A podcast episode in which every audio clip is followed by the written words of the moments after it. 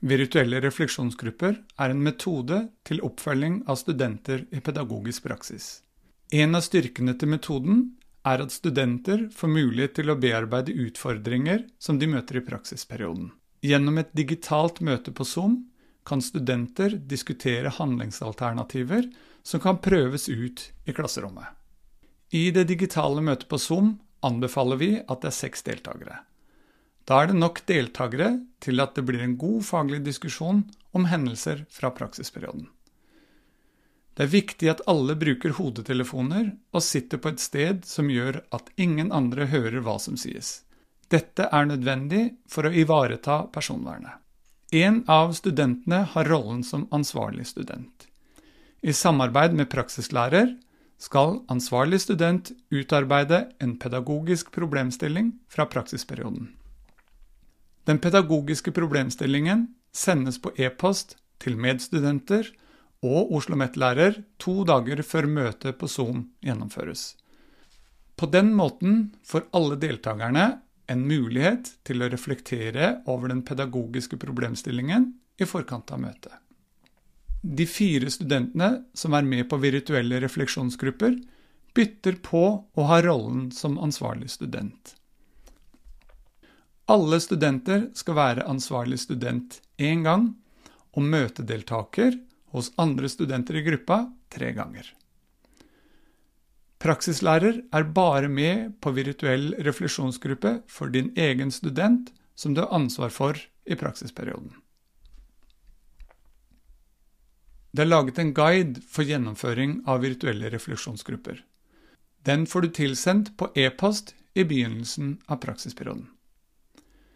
Virtuelle refleksjonsgrupper tar ca. 45 minutter å gjennomføre. Det er satt av et visst antall minutter til hver av delene i møtet. I de første fem minuttene skal Oslo OsloMet-lærer sjekke at alle deltakerne er med, og ønske velkommen til møtet. Det kan være greit med en kort presentasjonsrunde, slik at praksislærer blir kjent med alle studentene som er med i møtet. Etter presentasjonsrunden har ansvarlig student ansvar for møtet. Lærer fra Oslo OsloMet har en tilbaketrukket rolle mens diskusjonen pågår.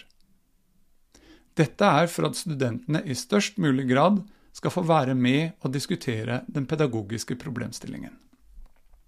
De neste ti minuttene går med til å presentere den pedagogiske problemstillingen som ansvarlig student har utarbeidet i samarbeid med praksislærer. Det er vanlig å ha med en praksisbeskrivelse av praksiserfaringen som er bakgrunn for den valgte problemstillingen. Ansvarlig student gir eksempel på hva som var utfordrende med situasjonen. Praksislærer kan bidra med sine kommentarer om den valgte problemstillingen. I neste del av den virtuelle refleksjonsgruppa skal de andre studentene være med og diskutere den pedagogiske problemstillingen. Her kan de dele egne erfaringer og faglige perspektiver.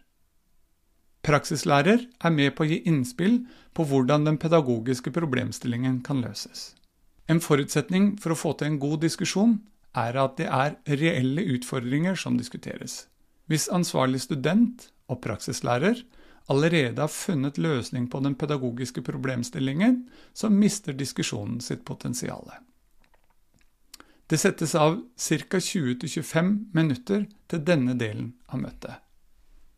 Mot slutten av møtet sammenfatter ansvarlig student de tilbakemeldingene og perspektivene som har kommet frem. Erfaringer med virtuelle refleksjonsgrupper viser at studentene får nye handlingsalternativer de kan prøve ut i pedagogisk praksis.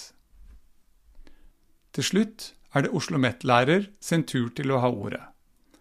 Siden problemstillingen er sendt til møtedeltakerne i forkant, har alle hatt mulighet til å forberede seg på temaet.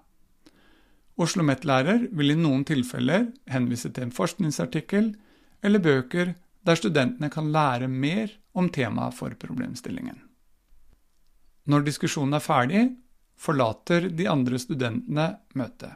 Da har ansvarlig student, praksislærer og Oslo OsloMet-lærer en prat om praksisperioden og mulighet for å kunne ta opp ulike temaer de måtte ønske å diskutere. Da gjenstår det bare å ønske lykke til med praksisperioden og virtuelle refleksjonsgrupper.